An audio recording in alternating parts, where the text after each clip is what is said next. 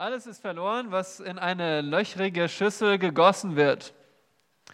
Die Köchin vergeudet ihre schöne Soße, denn dieselbe läuft fast ebenso schnell heraus wie hinein. Je eher die Frau am Herd der Sache ein Ende macht, desto besser. Hierbei muss ich an manches Predigen denken. Es ist vergebliche Arbeit, weil es nicht in der Seele der Hörer bleibt, sondern zu dem einen Ohr hinein und zum anderen wieder hinausgeht. Wenn die Leute zum Markt gehen, sind sie sehr erpicht darauf, einen guten Handel zu machen. Aber in der Kirche sind sie nur halb wach und scheinen sich nicht darum zu kümmern, ob sie aus dem, was sie hören, Nutzen ziehen oder nicht.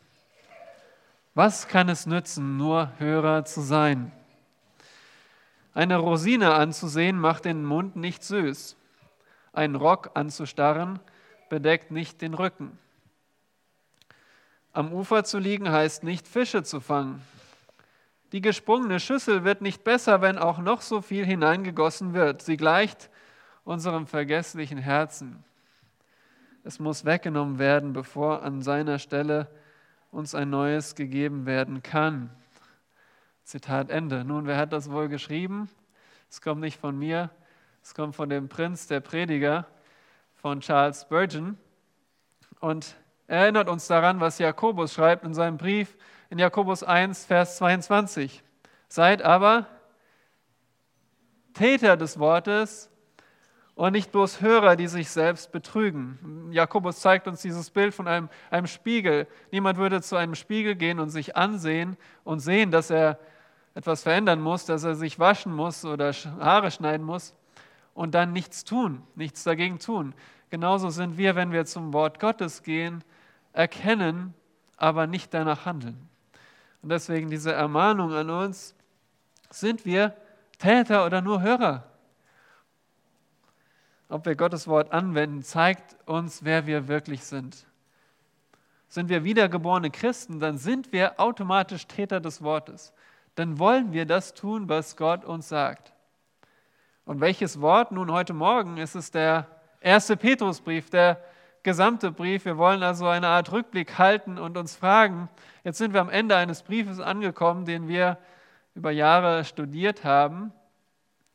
Was nun?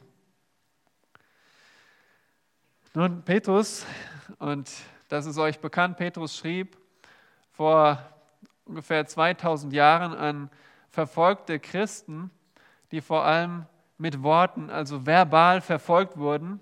Sie wurden nicht unbedingt eingesperrt und hingerichtet, das kam dann noch später zu dieser Zeit, aber sie wurden vor allem verleumdet. Obwohl sie Gutes taten, wurden sie als Übeltäter dargestellt.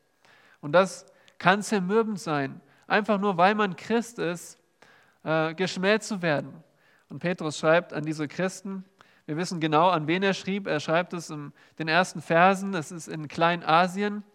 Nun, das sagt uns nicht viel, aber das ist die heutige Türkei, also ein Gebiet so groß wie Deutschland.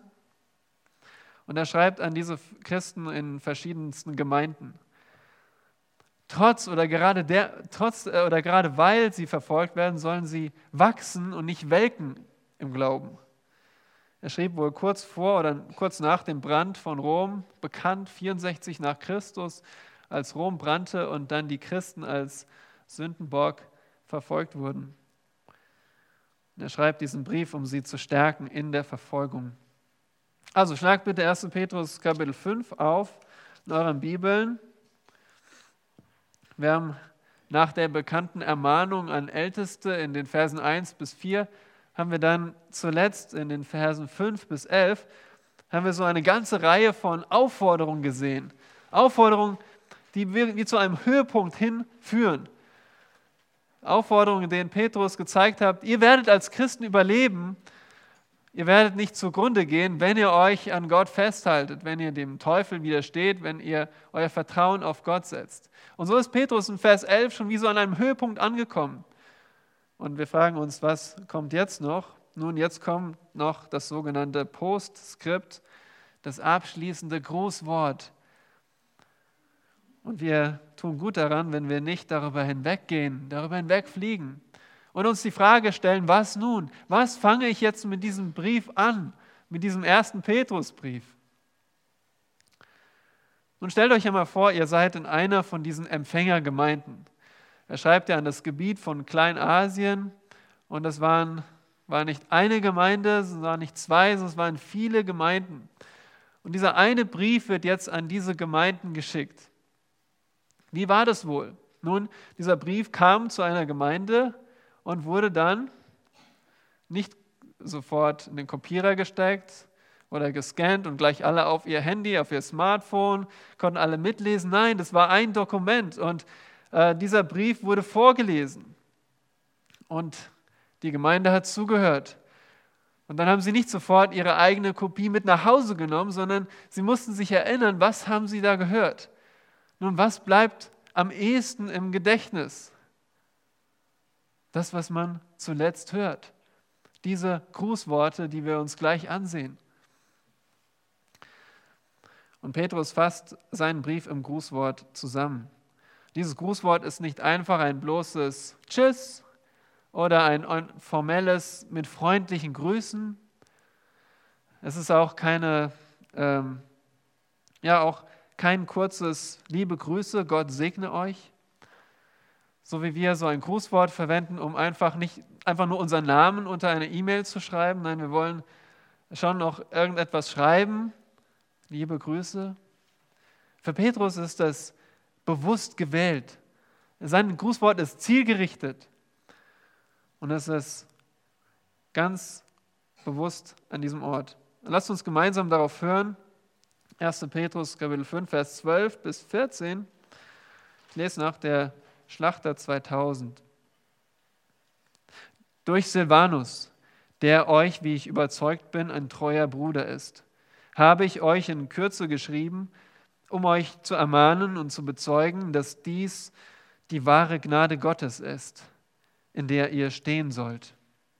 Es grüßt euch die Mitauserwählte in Babylon und Markus, mein Sohn. Grüßt einander mit dem Kuss der Liebe. Friede sei mit euch allen, die in Christus Jesus sind. Ja, was nehmen wir von diesem Petrusbrief mit? Wie können wir darauf reagieren? Lasst uns gemeinsam lernen zwei simple Anwendungen des ersten Petrusbriefs, damit du Täter des Wortes bist. Also zwei simple Anwendungen des ersten Petrusbriefs, damit du Täter des Wortes bist, nicht Hörer allein. Simple Anwendungen, weil sie einfach zu verstehen sind. Das heißt nicht, dass diese Anwendungen einfach umzusetzen sind. Wir können nicht nach Hause gehen und heute diese Anwendung umsetzen und dann haben wir es getan. Nein, es sind Anwendungen, die nicht automatisch umgesetzt werden, sondern wir müssen uns täglich neu dazu entscheiden, genau das zu tun, was wir jetzt lernen werden. Es hat nie ein Ende, solange wir auf dieser Erde sind. Und die erste Anwendung aus dem ersten Petrusbrief lautet, lebe aus Gnade. Lebe aus Gnade. Vers 12 finden wir diese Anwendung und hier beginnt Petrus sein, sein Grußwort. Im ersten Satz formuliert er die Absicht mit seinem Brief. Er fasst zusammen, wozu habe ich jetzt diesen Brief geschrieben als Apostel Petrus. Nun schaut mal in euren Text. Wir wollen das gemeinsam studieren. Welchen Wesenszug Gottes beschreibt Petrus hier, nennt Petrus in diesem Vers 12? Welchen Wesenszug? Es ist die Gnade. Gnade Gottes. Und Petrus sagt, ich habe euch geschrieben, das ist das Thema von diesem Vers. Petrus hat geschrieben, steht hier in der Vergangenheit, weil er aus der Sicht der Empfänger schaut. Ja? Also er hat es geschrieben und er nimmt dann die, die Sicht des Empfängers ein und der Empfänger schaut zurück und Petrus hat es in der Vergangenheit geschrieben. Er meint aber nicht irgendeinen anderen Brief, er meint genau diesen Brief, den ersten Petrusbrief. Den habe ich euch geschrieben. Und was sagt Petrus über seinen Brief? Nun, er sagt uns zwei Dinge. Einmal nennt er uns den Boten und er nennt uns die Botschaft. Den Boten und die Botschaft. Wer ist der Bote? Nun schau dann den Anfang von Vers 12 durch. Silvanus. Nun, welche Rolle hatte dieser Mann Silvanus? Er hatte auf jeden Fall eine vermittelnde Rolle für diesen Brief. Und wenn wir den Vers im Deutschen lesen, dann könnten wir meinen, dass Silvanus derjenige war, der geschrieben hat. Durch Silvanus habe ich euch geschrieben. Und wir können leicht denken, dass er derjenige war, der sozusagen als Sekretär angestellt war, um diesen Brief aufzuschreiben. Ich selbst habe auch bis vor einer Woche so gedacht. Ich kann mich erinnern, wir haben mal diesen Brief vorgetragen und mein Bruder Thomas, der jetzt endlich wieder da ist, äh, war der Silvanus, der sich dann an den Tisch gesetzt hat und geschrieben hat. Während ich als Petrus den Brief vorgetragen habe. Und nun ist es möglich, dass Silvanus auch geschrieben hat für Petrus. Äh, nicht seine eigenen Worte, sondern das, was Petrus wollte, diktierte. Aber äh, es gibt auch noch eine andere Möglichkeit, das zu verstehen. Es war zwar eine gängige Praxis, dass ein Briefschreiber, wie zum Beispiel Paulus, durch einen Sekretär geschrieben hat. Denkt mal an den Römerbrief, da heißt es am Ende, dass er durch Tertius geschrieben hat. Wie ich aber gelernt habe, kann die Formulierung durch Silvanus auch bedeuten, dass Silvanus der Überbringer war. Gegner dieser Sichtweise sagen, das kann doch gar nicht sein. Stellt euch mal vor, ein Mann geht in ein Gebiet von so groß wie die Türkei und will jetzt diesen Brief überbringen. Wo fängt er an? Wie, wie lange braucht er? 50 Jahre oder wie? Nein. Nun, das heißt ja nicht, dass Silvanus in jede einzelne Gemeinde gegangen ist. Er würde natürlich in verschiedenste Gemeinden gehen und dort würde sofort der Brief kopiert werden, abgeschrieben werden und dann weiter verteilt werden. Silvanus müsste nicht in jede einzelne Gemeinde gehen. Was spricht noch dafür, dass Petrus hier Silvanus als Boten vorstellt? Nun schaut mal in den Vers, da steht, durch Silvanus, der euch, wie ich überzeugt bin, ein treuer Bruder ist, habe ich euch in Kürze geschrieben. Im griechischen Text steht hier nur ein euch. Und dieses euch ist mit dem treuen Bruder verknüpft. Also Petrus sagt gar nicht, ich habe euch geschrieben, das ist natürlich klar, aber dieses eine euch im Text ist mit Silvanus verbunden, mit dem treuen Bruder. In anderen Worten, er empfiehlt hier jemanden, er empfiehlt Silvanus den Empfängern als treuen Bruder. Ich empfehle euch den Silvanus. Warum ist das bedeutsam? Nun, weil er ihnen den treuen Charakter empfiehlt. Nun denkt einmal darüber nach, wie ein Bote sein muss. Stellt euch vor, ihr habt etwas Wichtiges zu übergeben. Ihr äh, gebt zum Beispiel jemandem euren Personalausweis und eine Vollmacht, weil er etwas für euch erledigen muss.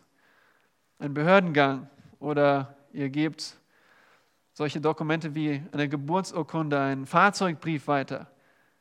Da würdet ihr euch zweimal überlegen, wie mir das gebt, oder? Jemand, der zuverlässig ist. Er wollte es ja nicht zum letzten Mal gesehen haben. Genauso mit dem Brief. Petrus wollte einen zuverlässigen Mann. Und die Empfänger wollten wissen, dass dieser Mann nicht irgendein Scharlatan ist, sondern auch wirklich den tatsächlichen Brief von Petrus übergibt. Da gab es keine E-Signature oder irgendetwas, woran man erkennen konnte, okay, das ist jetzt nicht äh, falsch. Und so schreibt Petrus diese Empfehlung. Das ist typisch für einen Überbringer. Zweitens, wir finden weder Silvanus Namen am Anfang des Briefes, noch finden wir Grüße von ihm. Zum Beispiel in 1. Thessalonicher lesen, wir am Anfang Paulus, Silvanus und Timotheus. Drei Namen. Da war er tatsächlich auch mitgenannt als Verfasser. Heißt nicht, dass er unbedingt alles geschrieben hat. Vielleicht hat Paulus auch vor allem geschrieben, aber er schreibt mit der Unterstützung von Silvanus. Aber hier finden wir nur Petrus am Anfang vom Petrusbrief. Und wir finden auch keine Grüße.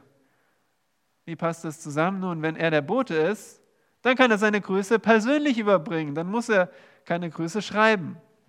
Und drittens, schlagt mal Apostelgeschichte 15, Vers 23 auf. Apostelgeschichte 15.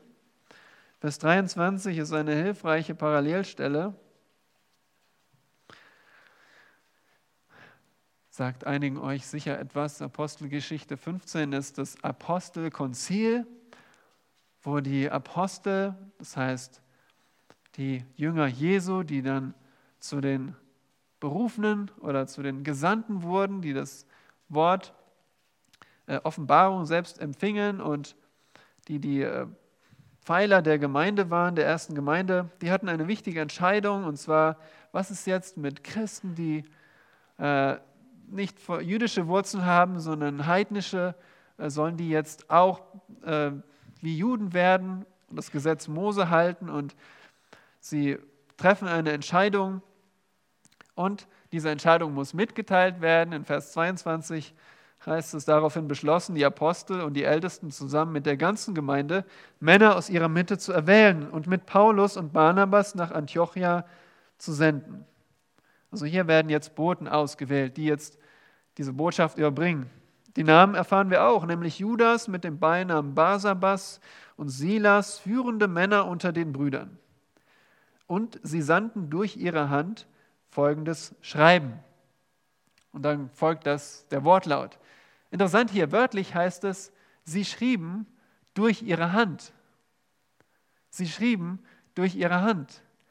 Nun, heißt das tatsächlich, dass sie jetzt ihnen das diktiert haben? Nein, wir haben schon im Vers 22 gesehen, dass es die Boten waren und nicht die Schreiber. Aber diese Formulierung, sie schrieben durch jemanden, heißt nicht, dass es ein Sekretär war, sondern ein Bote. Und so bin ich überzeugt, dass Petrus hier Silvanus als Briefüberbringer empfiehlt. Und dieser Silvanus hat auch noch einen anderen Namen, das ist nämlich die Kurzform für Silvanus ist Silas. Silas, so wie er auch schon hier in Apostelgeschichte 15 genannt wird. Er war, ja, woher kennen wir ihn? Ihr kennt ihn sicher als Reisebegleiter von Paulus, oder? Paulus und Silas bei der zweiten Missionsreise es waren die Männer, die sogar ins Gefängnis gegangen sind in Philippi für, um Christi willen. Und dann diese, dieses Erdbeben und, und der Kerkermeister bekehrt sich. Das ist dieser Silas, der mit Paulus unterwegs war. Er war also ein, ein wirklich ein treuer Mann. Er schreckte nicht vor dem Gefängnis zurück. Und Petrus kannte ihn ebenfalls als vertrauenswürdigen Mann. Geht mal zurück zu 1. Petrus 5, da heißt es ja weiter in dem Vers, äh, durch Silvanus, der euch, wie ich überzeugt bin, ein treuer Bruder ist. Nun, das können wir missverstehen.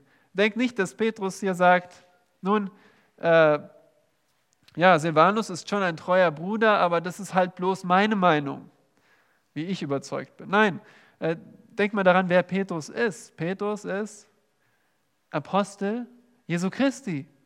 Wenn er sagt, wie ich überzeugt bin, dann macht es diese Aussage nicht schwächer, sondern stärker. Ich als Apostel sage euch, dieser ist ein treuer Bruder. Und so unterstreicht es seine Empfehlung. Und Silvanus konnte wahrscheinlich sogar noch mündlich ausführen, was Petrus äh, mitteilen wollte. Also über den Brief hinaus. Er war ein gestandener Christ und glaubte felsenfest an die Worte, die er geschrieben in den Händen hielt. Und so ist ja, Silas oder Silvanus auch ein Vorbild für uns in Treue. Und vielleicht auch ein, eine Idee für einen jungen Namen, falls jemand einen sucht. Das nur am Rande. Nun, das war der Bote Silvanus. Aber was ist die Botschaft des Briefes? Zunächst ist es eine kompakte Botschaft. Petrus sagt, ich habe euch, wie geschrieben? In Kürze geschrieben. In Kürze geschrieben. Wörtlich in wenigem. In wenigen Zeilen. Vielleicht denkst du, was, das ist ein kurzer Brief. Ich habe den hier nochmal abgedruckt. Wenn man alles, so wie es vielleicht damals war, das ist von der Anordnung her, aber wenn das mal auf DIN A4-Seiten ausdruckt, sind das vier DIN A4-Seiten und ihr denkt, äh, so ein Brief, äh, so einen langen Brief habe ich noch nie geschrieben. Das ist doch kein kurzer Brief. Nun, überlegt mal, Petrus schreibt an ein Gebiet so groß wie Deutschland und er schreibt ihnen von dem Heil in Christus, von der Verantwortung in der Welt und von den Grundsätzen im Gemeindeleben. Und das alles in einem Brief, das ist für ihn kurz, das ist Ich könnte noch so viel mehr schreiben. Und doch staunen wir darüber, wie Gott ähm, fähig ist, solch ein Thema so kompakt zusammenzufassen. Gleichzeitig hat er eine klare Absicht. Und die sehen wir in Vers 12. Schaut mal, findet mal das Wort um. Um, ich schreibe um. Ich habe geschrieben um. Um zeigt euch die Absicht in einem Satz. Wozu hat Petrus geschrieben? Nun, wir finden eine zweifache Absicht, um euch zu ermahnen und zu bezeugen. Zum einen schreibt er, um zu ermahnen. Und ermahnen ist ein eindringliches Bitten. Hier geht es nicht um vage Empfehlungen, die er in dem Brief macht, sondern um klare und dringliche Aufforderungen. Wir finden mehr als 30 Befehle in diesem Brief. Und er fordert mit Nachdruck dazu auf. Aber wozu eigentlich? Nun, das führt er nicht aus. Er sagt nicht, wozu. Das wollen wir uns auch nochmal in einem Rückblick gleich anschauen. Aber dennoch weiß Petrus, dass richtiges Denken und Handeln nicht einfach erzwungen werden kann. Es reicht nicht nur, einen Befehl zu geben. Ja? Der Kommentator Hebert sagt dazu, Zitat, wahre Heiligkeit wird nicht durch Anwendung von zwingender Autorität bewirkt, sondern indem das persönliche Verlangen danach und der Wille dazu erweckt und gestärkt wird. Zitat Ende. Also nochmal, Heiligkeit, das wird nicht durch Autorität erzwungen. Wir denken falsch, wenn wir denken, als Christen gibt es irgendein Oberhaupt, der sagt, so und so musst du denken, so und so musst du handeln. Und wir sind halt gezwungen und machen das so. Das ist kein Christentum. Christentum ist, Gott schenkt uns ein neues Herz, wir wollen seinen Willen tun und dann lesen wir sein Wort und wir werden daran erinnert und wir wollen es von uns aus tun. Und wenn wir dieses Verlangen nicht haben, dann sind wir keine Christen. Weil Christen werden wir nicht durch zwingende Autorität von einem Menschen, sondern durch, ja, durch unwiderstehliche Gnade Gottes. Wenn er uns selbst verändert und wir danach handeln wollen. Und Petrus gibt uns die richtige Motivation für diese Befehle und das ist die zweite Absicht, um euch zu bezeugen, dass dies die wahre Gnade Gottes ist, in der ihr stehen sollt. Ein Zeuge bestätigt, was wahr ist. Und Petrus bekräftigt und bezeugt mit seiner ganzen Person die Gnade Gottes.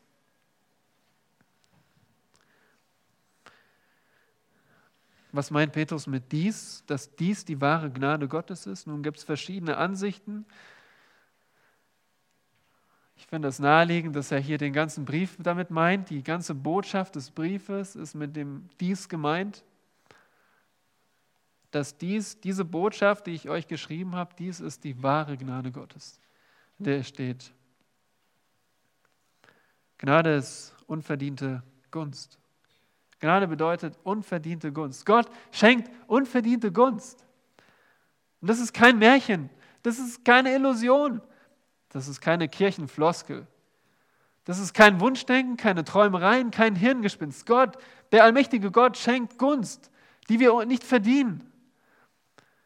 Und diese Gnade, sagt Petrus, ist wahr, sie ist echt, sie ist real, sie ist wahrhaftig. Und keine Botschaft ist so wunderbar wie das Gott, der allmächtige Gott, der heilig ist, vollkommen ist, dass er uns, die wir keinen Himmel verdient haben, sondern Strafe verdient haben, dass er uns Gunst schenkt. Das ist die, keine Botschaft ist so wunderbar, so frohmachend, so überwältigend, so weitreichend, so genial und kraftvoll. Und deswegen ist das auch das Einzige, was Petrus hier noch hervorhebt, die Gnade Gottes. Und wir wollen uns das noch einmal anschauen, wie wir das in dem ganzen Brief finden. Petrus sagt, das ist die Gnade, in der ihr steht. Ihr habt schon gemerkt, ich habe vorgelesen, in der ihr stehen sollt, weil in den besseren Handschriften steht hier ein Befehl. Eine englische Übersetzung sagt zum Beispiel, steht in ihr. Ich habe euch die Gnade Gottes bezeugt, steht in ihr. Die Menge Übersetzung sagt, in der ihr stehen sollt. Und so finden wir hier eigentlich einen Befehl. Und äh, wir fragen uns, ja, was ist denn jetzt diese Gnade? Was ist diese Botschaft, in der wir stehen sollen? Und deswegen lasst uns einmal Zeit nehmen. Wir haben jetzt bewusst Zeit an diesem Punkt, um einfach nochmal den ganzen Brief Revue passieren zu lassen. So wie Petrus auch seinen Brief vor seinen Augen in Revue passieren lässt und sagt, dies habe ich euch geschrieben, genau zu dem Zweck. Ja, der Brief. Der Brief beginnt mit einem, mit einem Grußwort am Anfang. Petrus, er schreibt an die Fremdlinge der Zerstreuung. Und schon in seinem Grußwort, wenn ihr mal in Kapitel 1 schaut, schreibt er schon von der Gnade Gottes. Er bezeichnet sie als auserwählte Fremdlinge. Auserwählt von Gott, dem Vater, gemäß der Vorsehung Gottes des Vaters. Gott hat nicht einfach in die Zukunft geschaut, sondern er hat schon vor Grundlegung der Welt geliebt, bestimmte Menschen mit Namen geliebt, um sie zu erretten, um sie zu heiligen, um sie mit dem Blut Jesu Christi zu besprengen und für sich zu retten. Und da finden wir schon das erste Mal, wie Petrus Gnade erwähnt. 1, Vers 2. Gnade und Friede werde euch mehr und mehr zuteil. Und dieses Leben aus Gnade, das wir uns gerade anschauen, das entspringt, es entspringt Gottes Errettung mit Folgen. Wenn ihr ein Gemeindeblatt habt, da finden wir jetzt, findet ihr drei Überschriften für diesen Brief. Ich bin überzeugt, dass dieser Brief vor allem drei Teile hat. Drei Teile, die uns das Leben aus Gnade beschreiben. Und der erste Punkt ist, das Leben aus der Gnade entspringt Gottes Errettung mit Folgen. Es sind nicht wir, die dieses Leben beginnen, sondern Gott beginnt es, indem er uns rettet. Und diese Errettung hat Folgen. Ja, vor allem hier in, in den ersten Versen in Kapitel 1 zeigt uns Petrus die Errettung. Errettung durch, ähm, durch seine Barmherzigkeit, durch die Wiedergeburt, eine neue Geburt. Vers 3. Und eine Errettung zu einer lebendigen Hoffnung, eine Hoffnung auf ein Erbe im Himmel, eine Hoffnung auf eine herrliche Zukunft und gleichzeitig auch die Bewahrung, dass Gott uns bewahrt, dahin zu kommen. Also das Erbe ist sicher, das Ziel ist gesichert und auch der Weg dahin. Hier verheißt Gott, dass er die Christen durch den Glauben bewahrt. Wenn es an uns liegen würde als Christen, dann wären wir schon heute nicht mehr dabei. Aber weil Gott uns durch seine Kraft bewahrt, steht es hier in 1, Vers 5, werden wir auch ankommen.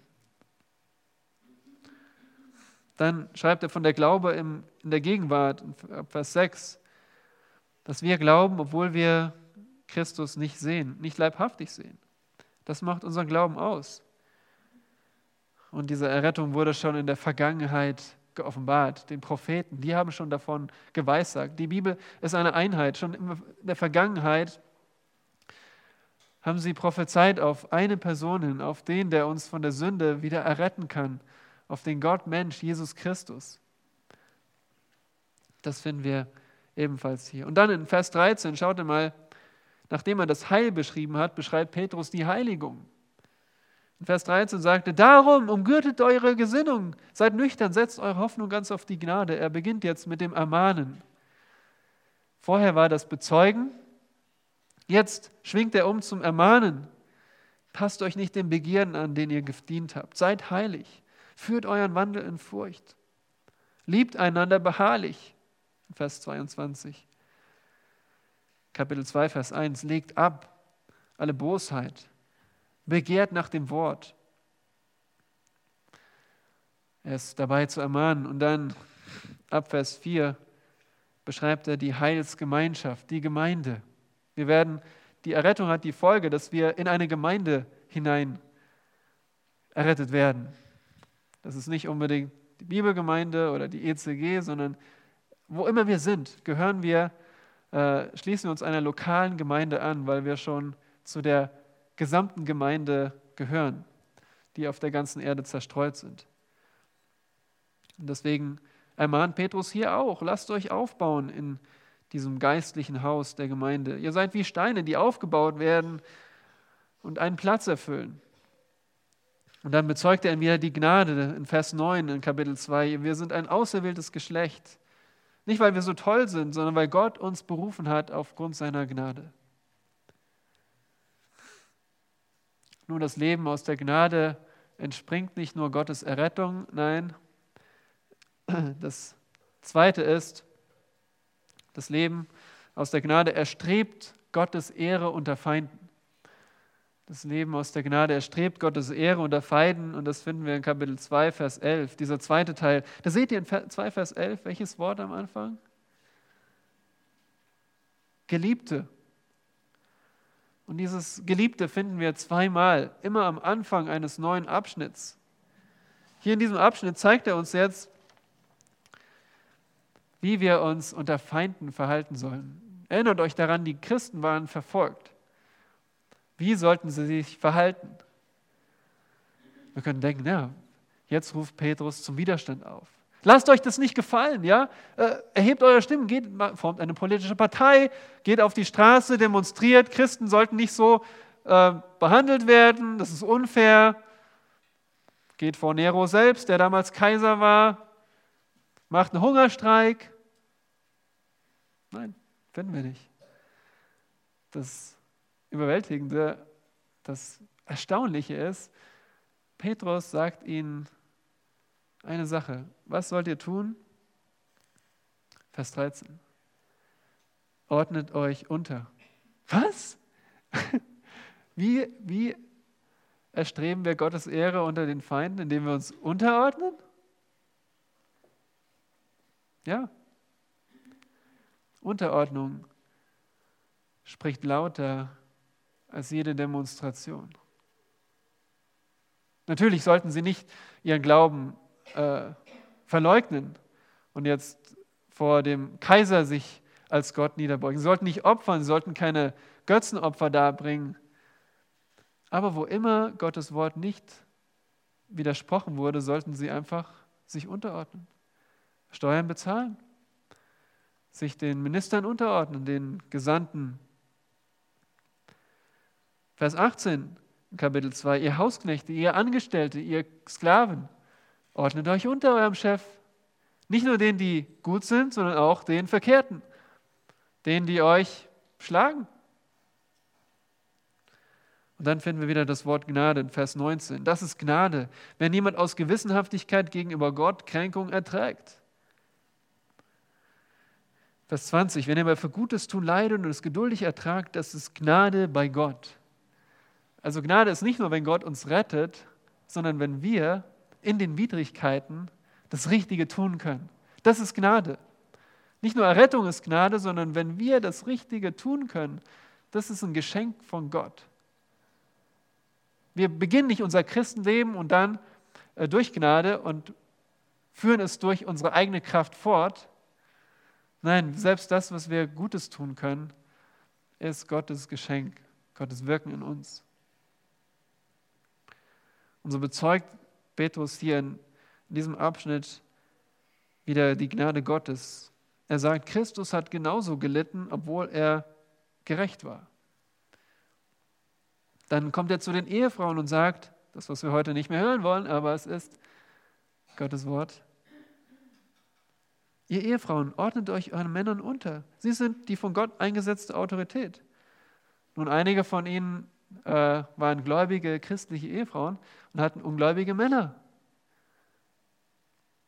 Und Petrus sagt, ihr sagt ihnen das Evangelium, aber dann zeigt ihr eure, euren Glauben dadurch, dass ihr euch unterordnet. Und so werdet ihr sie gewinnen. Die Männer sollen genauso ihre Frau als ihre Frau Ehre erweisen und mit ihr einsichtig zusammenleben weil ihr ja gemeinsam Erben der Gnade des Lebens seid. 3, äh, Vers 7. Wieder das Wort Gnade. Die Ehe ist eine Gnade, steht hier. Die Ehe ist Gottes Geschenk, Gottes unverdiente Gunst. Und so zeigt Unterordnung, dass wir Gottes Ehre in dieser Welt suchen wollen. Dann zeigt er uns, wie sie unbeirrbar sein sollen. Er beschreibt jetzt den Umgang mit Leid ab 3, Vers 13, ja. Und wieder diese Ermahnung, fürchtet euch nicht vor dem, was sie euch androhen. Bewahrt einfach ein gutes Gewissen. Denn euer Vorbild Christus hat ein für alle Mal gelitten. Und er hat den Triumph vollbracht. Christus war der, der am meisten gelitten hat von allen Menschen. Er war gerecht und er wurde an der Stelle von Sündern ans Kreuz genagelt. Aber wisst ihr was? Da, wo der Teufel dachte, jetzt hat er Gott besiegt, da hat Gott durch das größte Übel der Menschheit, durch die, äh, das größte Unrecht hat er den größten Sieg verbracht. Denn an dem Kreuz hat Jesus für Sünder die Strafe auf sich genommen. Und dann ist er auferstanden und steht hier Vers 22, dass er zum Himmel aufgefahren ist. Und deswegen sollen auch wir genauso bereit sein, gegen die Sünde zu kämpfen. Selbst wenn wir dafür leiden müssen. Denn die Menschen haben sie gelästert dafür, dass sie nicht mitgemacht haben in den ganzen Ausschweifungen und Belustigungen, Trinkgelagen. Sie wollten Gott ehren. Und dasselbe gilt auch uns. Ihr seht also immer wieder diese Ermahnungen, die geknüpft sind an, die Bezeugen, an das Bezeugen der Gnade Gottes. Und dann der letzte Teil, Gottes Erbauung für Verfolgte. Das Leben aus Gnade empfängt Gottes Erbauung für Verfolgte. In diesem letzten Teil ab Kapitel 4, Vers 12 schreibt Petrus wieder, Geliebte. Ja. Und wieder die Ermahnung, lasst euch nicht befremden durch, durch diese Verfolgung. Und dann das Bezeugen der Gnade Gottes. Glückselig seid ihr, Vers 14, wenn ihr geschmäht werdet um des Namens des Christus willen, denn der Geist der Herrlichkeit, der Geist Gottes ruht auf euch. Wenn ihr als Christen leidet, heißt das nicht, dass ihr von Gott verstoßen seid. Ihr seid, ihr habt tatsächlich den Geist Gottes. Ihr gehört zu ihm. Und so ruft er dazu auf, einfach auszuharren im Leid, weil Gott dadurch, ja, was macht eigentlich Gott? Warum, warum entrückt er nicht die Gemeinde einfach aus dem ganzen Leid heraus? Warum macht Gott dem nicht ein Ende? Auch Christen können sich die Frage stellen, warum lässt Gott Leid zu? Und Petrus gibt hier die Erbauung, das was, das, was uns ermutigt, das, was Leidende ermutigt in diesem Abschnitt, Ende von Kapitel 4. Er sagt, die Absicht, die Gott dadurch erfüllt, ist, dass er seine Gemeinde reinigt und läutert. Das Leid reinigt uns. Löst uns von, ja, löst uns davon, woran wir festhalten in, diesem, in dieser Welt. Das ist ein Aspekt. Wenn wir auf einmal Dinge verlieren, hängen wir nicht mehr so daran, an dieser Welt, weil das, wir wissen aus der Schrift, dass das vergänglich ist. Wir werden auch, ähm, wird auch deutlich, was ist eigentlich in meinem Herzen? Will ich wirklich Gott nachfolgen, egal was es kostet? Und so läutert Leiden die Gemeinde. Aber die Gemeinde hat auch eine Verantwortung und die finden wir in Kapitel 5. Älteste, ihr sollt die Herde hüten. Gott hatte der Gemeinde Hirten gegeben, keine Bosse, sondern Hirten, die sich um die Schafe kümmern, um die Gläubigen kümmern und ihnen das Wort Gottes äh, lehren und für sie beten. Und das nicht für Geld, sondern mit Hingabe. Und hier finden wir wieder eine Reihe von Ermahnungen. Ich habe mir die rot markiert und es ist alles ziemlich rot hier. Und dann finden wir wieder, wie er die Gnade Gottes bezeugt. Schaut mal in Kapitel 5, Vers 5. Gott widersteht dem Hochmütigen, den Demütigen aber gibt er Gnade. Und dann endet er in Vers 10 mit diesen Worten, der Gott aller Gnade aber, der uns berufen hat zu seiner ewigen Herrlichkeit in Christus, er selbst möge euch nachdem ihr eine kurze Zeit gelitten habt, völlig zubereiten, festigen, stärken, gründen. Ihm sei die Herrlichkeit und die Macht von Ewigkeit zu Ewigkeit. Amen.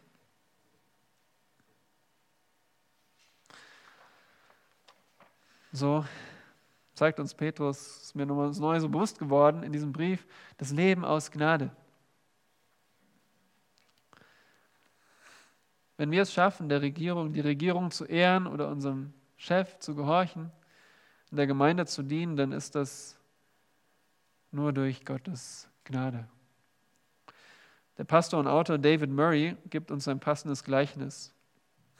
Stell dir eine Druckerei vor, die Bibeln herstellt. Dort sind gerade fünf Angestellte bei der Arbeit. Herr Euro fragt sich, wie kann ich noch mehr Geld verdienen? Frau Ehrgeizig überlegt, wie kann ich nur befördert werden? Herr Liebling grübelt, wie kann ich meinen Chef glücklich stimmen? Und Herr Selbstsüchtig denkt, wie kann ich in diesem Job Erfüllung finden? Aber sie alle sehen elendig aus. Dann treffen wir Frau Gnade, die sich die Frage stellt, im Licht der überwältigenden Gnade in Christus mir gegenüber, wie kann ich Gott und den Menschen hier dienen?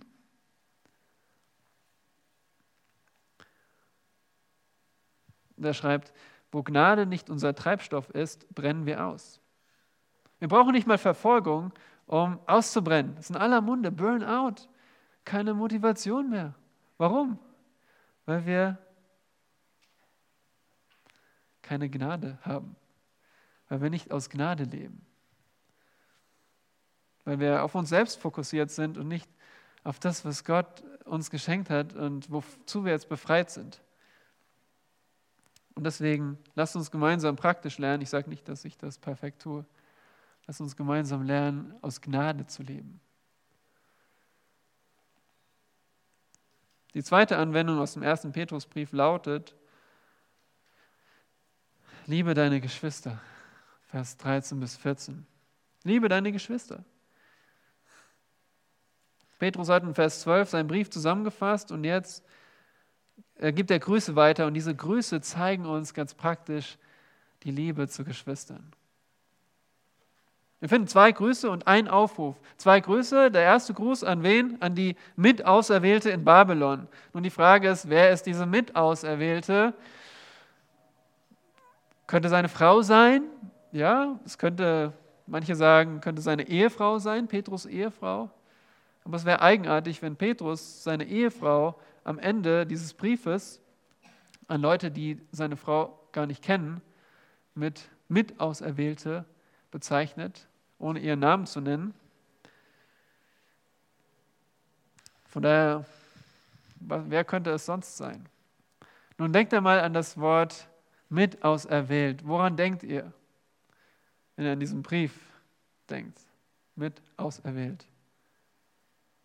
Wie bitte? Ja, an eine Gemeinde, an 1 Vers 2, er schreibt an die Leute, die auserwählt sind gemäß der Vorsehung Gottes. 1 Vers 2, die auserwählt sind gemäß der Vorsehung Gottes. Und hier spannt er den Bogen ja, vom Anfang bis zum Ende und bezeichnet wieder oder nimmt wieder das Wort auserwählt es geht um die göttliche Erwählung. Zusammen mit den Empfängern ist noch jemand anders mit auserwählt, nämlich die Gemeinde, von der Petrus hier Grüße sendet.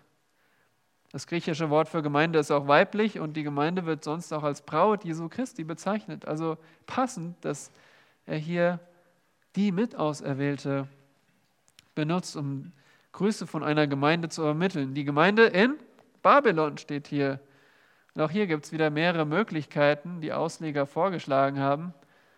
Ein Prinzip bei der Auslegung, bei dem Studium kennt ihr alle. Wir nehmen es erstmal wörtlich und dann erkennen wir, ob es vielleicht keinen Sinn ergibt und bildlich gemeint ist.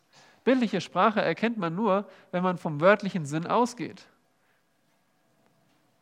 Deswegen, ja, es könnte sein, dass Babylon gemeint ist. Es gibt ein Babylon in Ägypten damals, das war aber nur so eine römische Militärstation, eher unwahrscheinlich.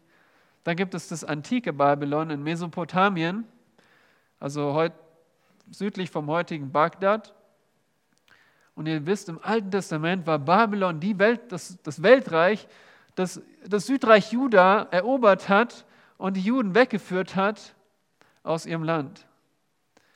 Also ein Sinnbild für Fremde, Zerstreuung. Nur zur Zeit von Petrus war Babylon in Ruin. Es war spärlich besiedelt und verwüstet. Also eher unwahrscheinlich, dass Petrus das tatsächliche Babylon meint. Und das sagte ich vorher, jetzt erkennen wir, wahrscheinlich meint er hier nicht das wörtliche Babylon, sondern er benutzt Babylon bildlich für eine andere Stadt. Diese Stadt ist wohl die Weltstadt Rom zu dieser Zeit. Rom war das Zentrum der westlichen Welt. Und wir wissen auch aus der Kirchengeschichte, dass Petrus in Rom war. Der Kirchenvater Tertullian und der Kirchenhistoriker Eusebius schreiben davon. Und Eusebius schreibt sogar, Petrus hat diesen Brief aus Rom geschrieben. Das schreibt er in seiner Historie. Darum gehen wir davon aus, dass Petrus diesen Brief aus Rom schreibt und Babylon als eine Art Geheimnamen verwendet, um vielleicht sogar noch die Christen dadurch zu schützen, aber vor allem um dieses Bild wieder diesen Bogen zu spannen, ein Bild für Zerstreuung, für Entfremdung. Die Christen sind in Rom nicht zu Hause. Heutzutage denkt man, Christen, ah, Rom, ja? Christen gehören nach Rom. Da ist doch das Zentrum des Christentums. Hm, nicht wirklich, aber damals noch viel weniger. Damals regierte der Kaiser Nero. Die Christen waren, es war am Rande der Verfolgung schon. Und Rom war eine Fremde für Christen.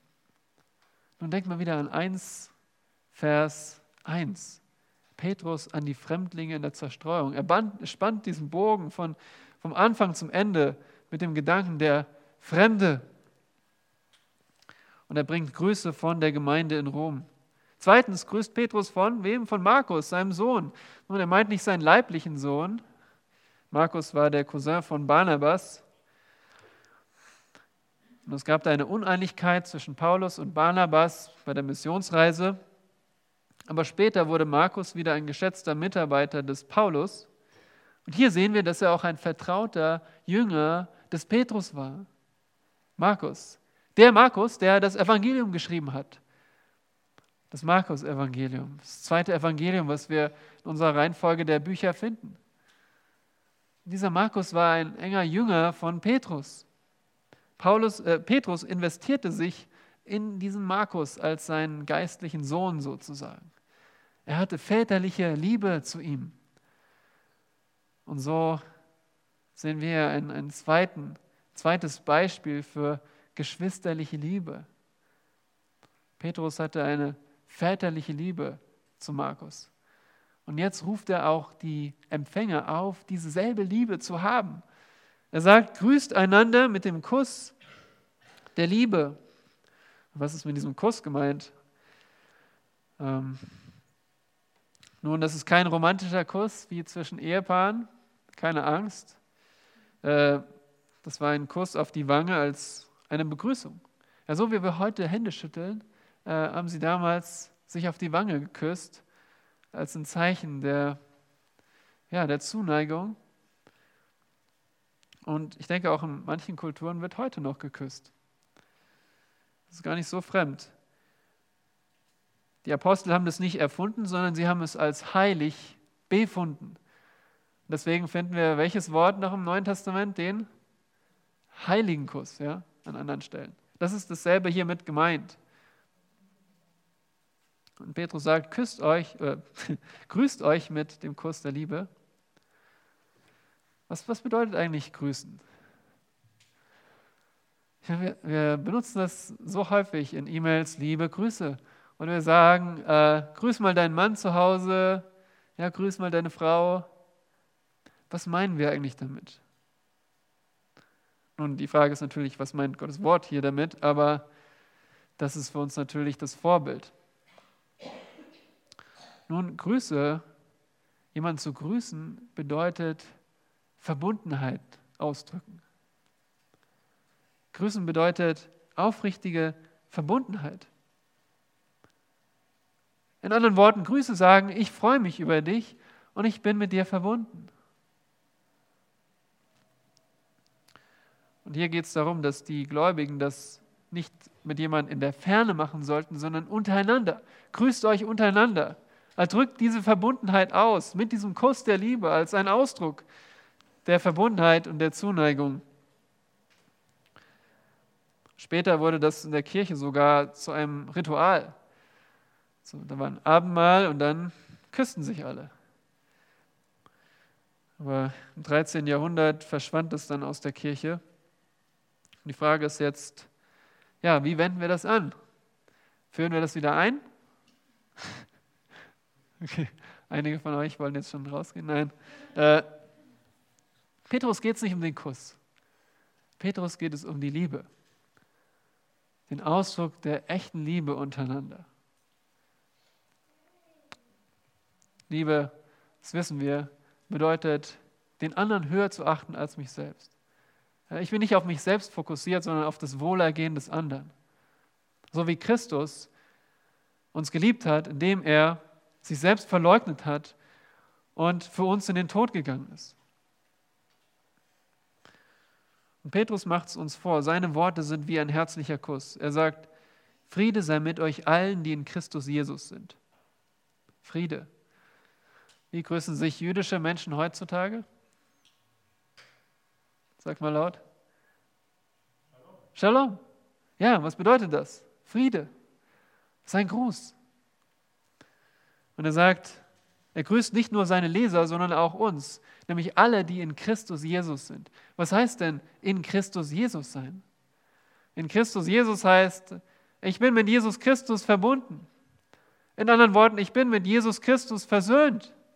Warum sollten wir mit Christus versöhnt sein? Nun, weil wir von Natur aus, wenn wir geboren werden, von Gott getrennt sind.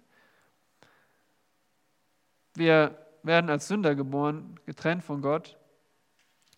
Und durch unsere Taten oder auch durch unsere Gleichgültigkeit Christus gegenüber sind wir Feinde nicht einer Idee, nicht einer Religion, sondern wir sind Feinde einer Person, Feinde Jesu Christi. Und dafür verdienen wir, sagt die Bibel, den, den Tod. Deswegen sterben wir. Der Lohn der Sünde ist der Tod.